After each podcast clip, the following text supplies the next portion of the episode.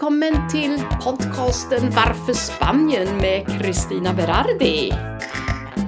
Dagens avsnitt är nummer 80 i ordningen och då kommer jag ta upp lite grann, kommer den här vaccinationsplanen som regeringen har sagt att kunna följas? Och hur blir det nu med stöd till alla företagare i Spanien? Sen tar jag lite grann om speciell drink från Andalusien och lite om kokaintillslag i södra Spanien. Många frågar, när ska vi vaccinera oss? Och ja, det vet vi inte. Det finns en plan. Vi ser att eh, personer födda före det och det datumet, de är med i etapp 0 och de är i etapp 1 och så 2 och så vidare. Och det har vi sett. Men vi har ju inte fått någon personlig information när det är dags om vi ska få våra vaccinationer i april eller maj eller juni.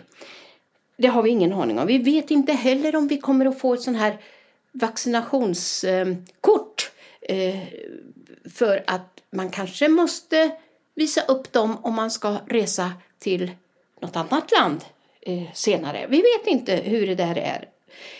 Oavsett så kan vi säga att i Spanien så hade de för ungefär en vecka sedan fått nästan 3 miljoner doser. Och det betyder att 2 miljoner av de här doserna har getts till personer vid två tillfällen. Så en miljon har fått en dos. Och eh, de allra flesta de har fått det här vaccinet från Pfizer. För det är ju faktiskt så, Moderna de levererar inte så många hit till Spanien och det gör ju inte heller AstraZeneca. Och så hör vi att man säger att AstraZeneca det ger man inte till personer över 65 år. Så då blir det väl Pfizer vi kommer att få. Med alla de här, vi är alltså 47 miljoner invånare här i Spanien. Och då kan man säga 2,1 procent har fått eh, nu eh, en dos, åtminstone några två. Och eftersom regeringen nu har lovat att till sommaren ska 70 procent av befolkningen vara vaccinerade. Och då säger man så här, ja men hur många är 70 procent? 70 procent, det är 33 miljoner. Och sommaren, förstår ni, det är slutet av september har jag nu fått reda på. För det har man ju undrat, när är sommaren? Är den i juli eller augusti? Men det är alltså slutet av september. Och om nu de här 33 miljonerna som behöver ha doser ska vara vaccinerade i slutet av september. Då måste man ha 500 000 doser som vaccineras varje dag. Det är alltså en halv miljon människor ska vaccineras varje dag. Men då hänger det ju naturligtvis på att vi får de här en halv miljon doser varje dag. Så jag vet inte hur det är och naturligtvis är det väl här som det är i alla andra länder att då ska det här spridas ut med någon Eh, empirisk formel naturligtvis till de olika länen, distrikten, regionerna och så ner till de respektive sjukhus som ska utföra det här. Jag har också sett på tv att eh, Umeå, det är ju en militärpolis från Guara Civil. De, eh, räcker, det är de som ställer upp när det är såna här utryckningar, speciella akuta händelser. De är också och vaccinerar människor för att det här ska gå fort. Så det här ska bli spännande att följa och se. Kommer planen att hålla? Jag vet inte hur man diskuterar i andra länder, men för mig låter det som att ja, men Kommer man att klara det? Kommer man att få de här doserna? Tillika så har det sagts att i Spanien så kommer faktiskt det att tillverkas vaccin. Fyra olika märken vad jag förstått kommer att tillverkas i Spanien för att lätta upp. Jag vet nu inte om det är Pfizers eller AstraZeneca eller, eller om det är några spanska. Jag vet att det är några spanska läkemedelsfirmor som också har vaccin och ska producera. Men vi har inte fått eh, riktigt klart för det här ännu. Så det kommer att bli spännande att se hur vi håller det. I eh, Torrevieja nu läste jag att eh, det har faktiskt gått ner. Vi har ju haft sån här perimeterrestriktion och det har ju inneburit att alla städer i Valenciana, där jag bor, Comunidad Valenciana, alla städer med 50 000 invånare eller fler får inte lämna städerna under helgen från fredag klockan 15 till måndag klockan 6 på morgonen. Och då får vi som bor utanför de här städerna inte heller åka in till de här städerna. Och det här bevakas ju naturligtvis av poliserna. De kollar varenda bil, de har avspärrningar på många platser och så vidare för att se till att det här sköts. Och det här har inneburit att i Torrevieja har smittspridningen och antal coronacase minskat med 28 procent sista veckan. Och det måste man väl säga att det är oerhört positivt. Vi vill ju faktiskt bli av med det här eländet så vi kan börja leva igen. Vi får ju bara träffa en person utomhus någonstans på gatan. Alla restauranger, och barer öppna, är stängda. Förlåt, de är stängda. Och vi tror i alla fall att från och med första mars så kommer de att få öppna upp så vi får gå ut. Sen vad det innebär om man bara får sitta utomhus och ha 25 procents beläggning eller hur det där är, det vet vi ingenting om utan det är väl information som kommer att komma här i slutet av veckan. Ibland så ändras det ju hela tiden men eh, nu ser vi fram till det här för att eh, det är ju faktiskt så att folk måste ju komma tillbaka till sina jobb de måste ju få tjäna pengar igen, för det är många som har det svårt. Många har ju varit arbetslösa.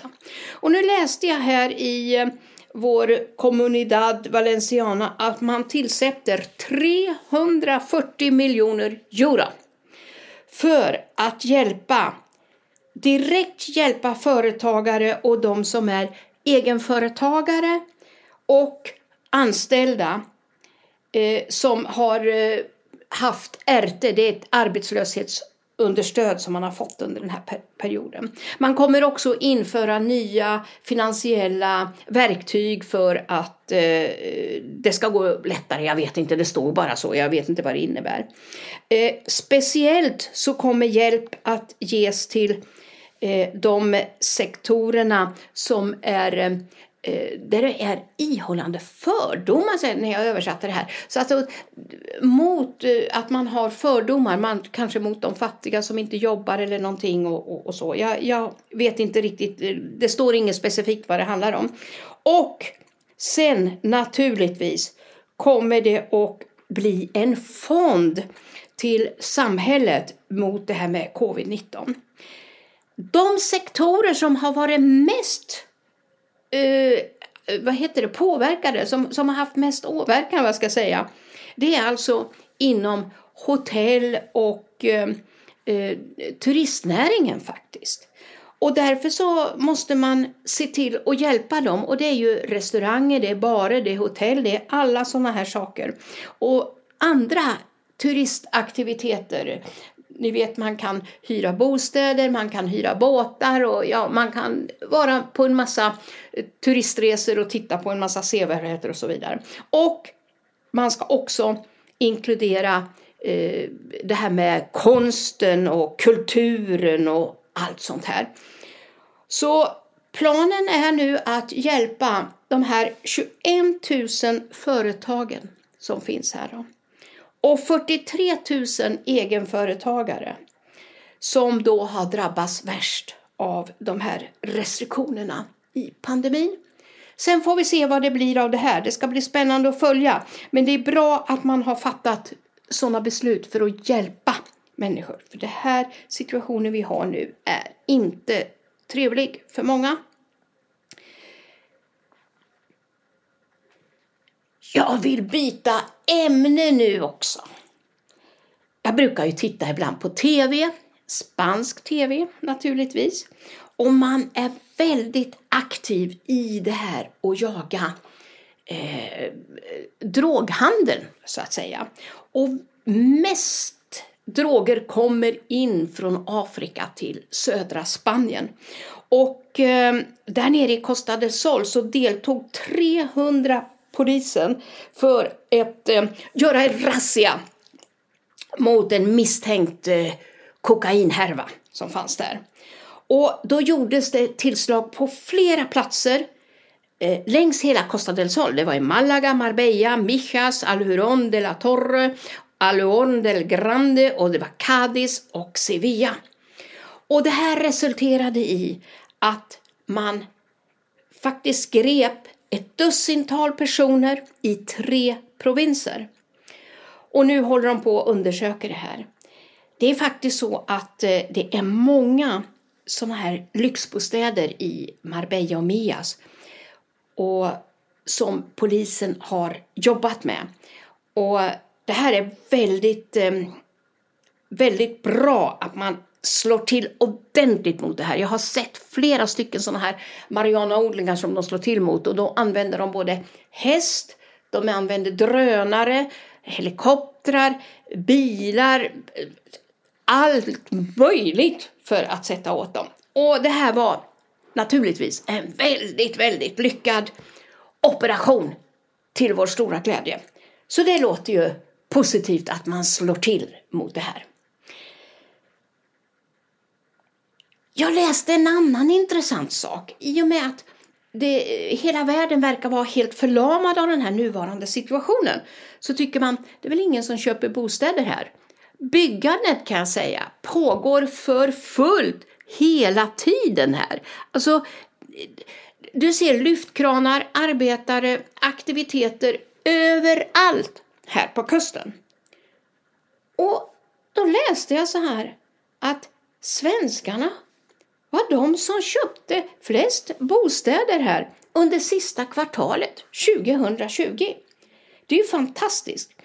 Så att eh, eh det var 19,7 procent som eh, köpte under tredje kvartalet och sen ökade det med 5,17 procentenheter för fjärde kvartalet.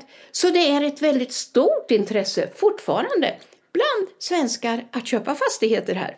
Och det förstår ju jag också att det är. Men det, det låter ju väldigt lovande och det är ju väldigt trevligt, eller hur? För tänk att få vara här nere i solen. Jag eh, säger så här, varje dag är ju eh, en fantastisk eh, upplevelse. Man vaknar, slår upp sina ögon och man har en blå himmel. Det har man minst 320, om inte 330 dagar om året. Och på den där blå himlen så har vi den här stolen. Ja, det är underbart. Och det har jag också sagt att just nu känns det som att våren är på väg. Mandelblommen blom, mandelträden blommar ju för fullt och håller på att vissna ner och bli frukt snart. Nu är det andra eh, träd som blommar och blommor. Blommorna blommar i trädgården som aldrig förr, för nu är det lagom varmt. Jag tänkte ta upp en annan sak här som jag läste. Det finns faktiskt en vindrink som man har i Andalusien. Det är alltså nere på Costa del Sol lite större områden längs kusten, men det heter Rebujito. Och den gör man av en sherry som heter manzanilla, eller man kan ta en fino och sen har man läsk. Eh, det finns eh, typ eh, en sockerdricka som heter gaseosa. Det heter ungefär likadant på, på italienska, gasosa heter det där. Och det är ju liksom ja, som sockerdricka med lite, lite citron eller limesmak. Och eh, den här drycken i Andalusien, det är en typisk dryck för Feria de Abril, alltså för ledigheten i april och andra sådana här fester som man har i Andalusien, framför allt när det är varmt. Den här drycken den blev väldigt populär på 80-talet så att eh, och den är bra att dricka då så man inte blir helt eh, uttorkad. Och då har jag ett recept på den också. Nu vet jag inte hur lätt eller svårt det är att få tag på sån här vino manzanilla. Eh, eller fino, jag har aldrig hört talas om det här men här finns det säkert. Då ska man ha 250 milliliter av den. Och man ska ha en halv liter av gasosa. Man ska ha sex kvistar med färsk pepparmint och mycket isbitar. Så då tar man fram de här fyra glasen och så fyller man hälften med is. Sen fyller man på med sherry till en tredjedel och två tredjedelar fyller man på med den här sockerdrickan och så lägger man i pepparminten. Sen serverar man den och då är den läskande. Den här har inte jag provat, men det lät så himla intressant så jag tänkte den måste jag ju bara testa. Eller hur? Och värmen, ja den längtar vi faktiskt efter.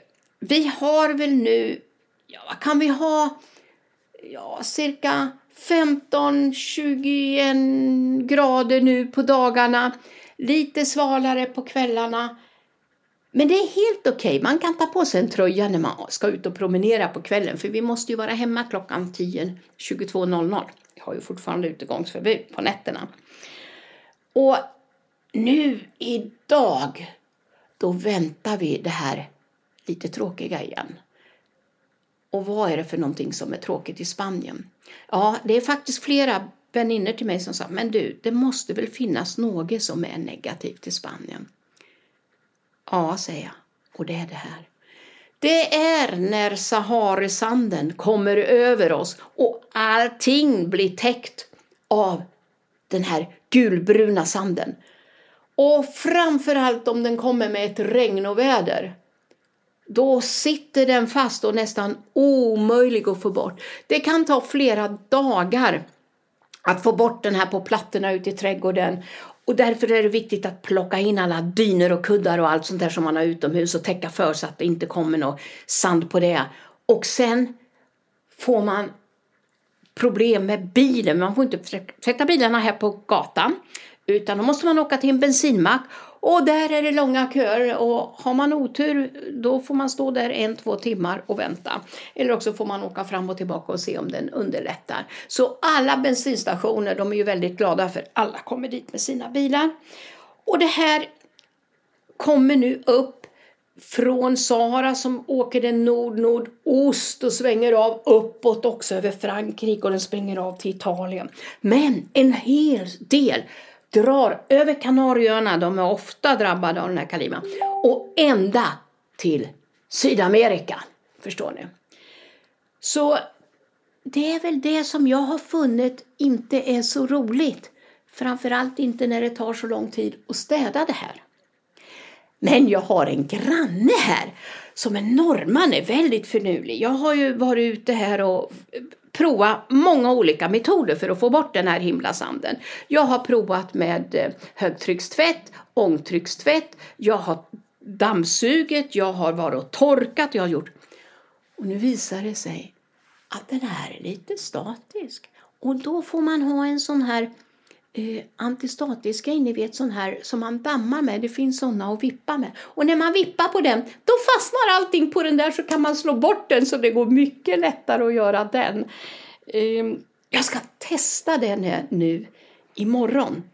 För att det är väl då först som vi ser hur mycket sand vi har fått hit. Hörni mina änglar, mina änglar, mina vänner här ute. Jag hoppas verkligen att ni eh, kommer att ha det bra och att vi får en sol och blå himmel och värmen komma för det är även i Sverige, eller vi ska säga norra Europa, som våren brukar komma lite grann här i mitten, mitten av mars och där man snön smälter och det är så väldigt fint. va. Så snön i Sverige Saharasanden i eh, Spanien som vi vill bli av med och få den efterlängtande våren komma in lite smygande. Hörni kära vänner, jag tackar så mycket för att ni har lyssnat på det här avsnittet och eh, önskar er en härlig vecka och på ett snart återseende.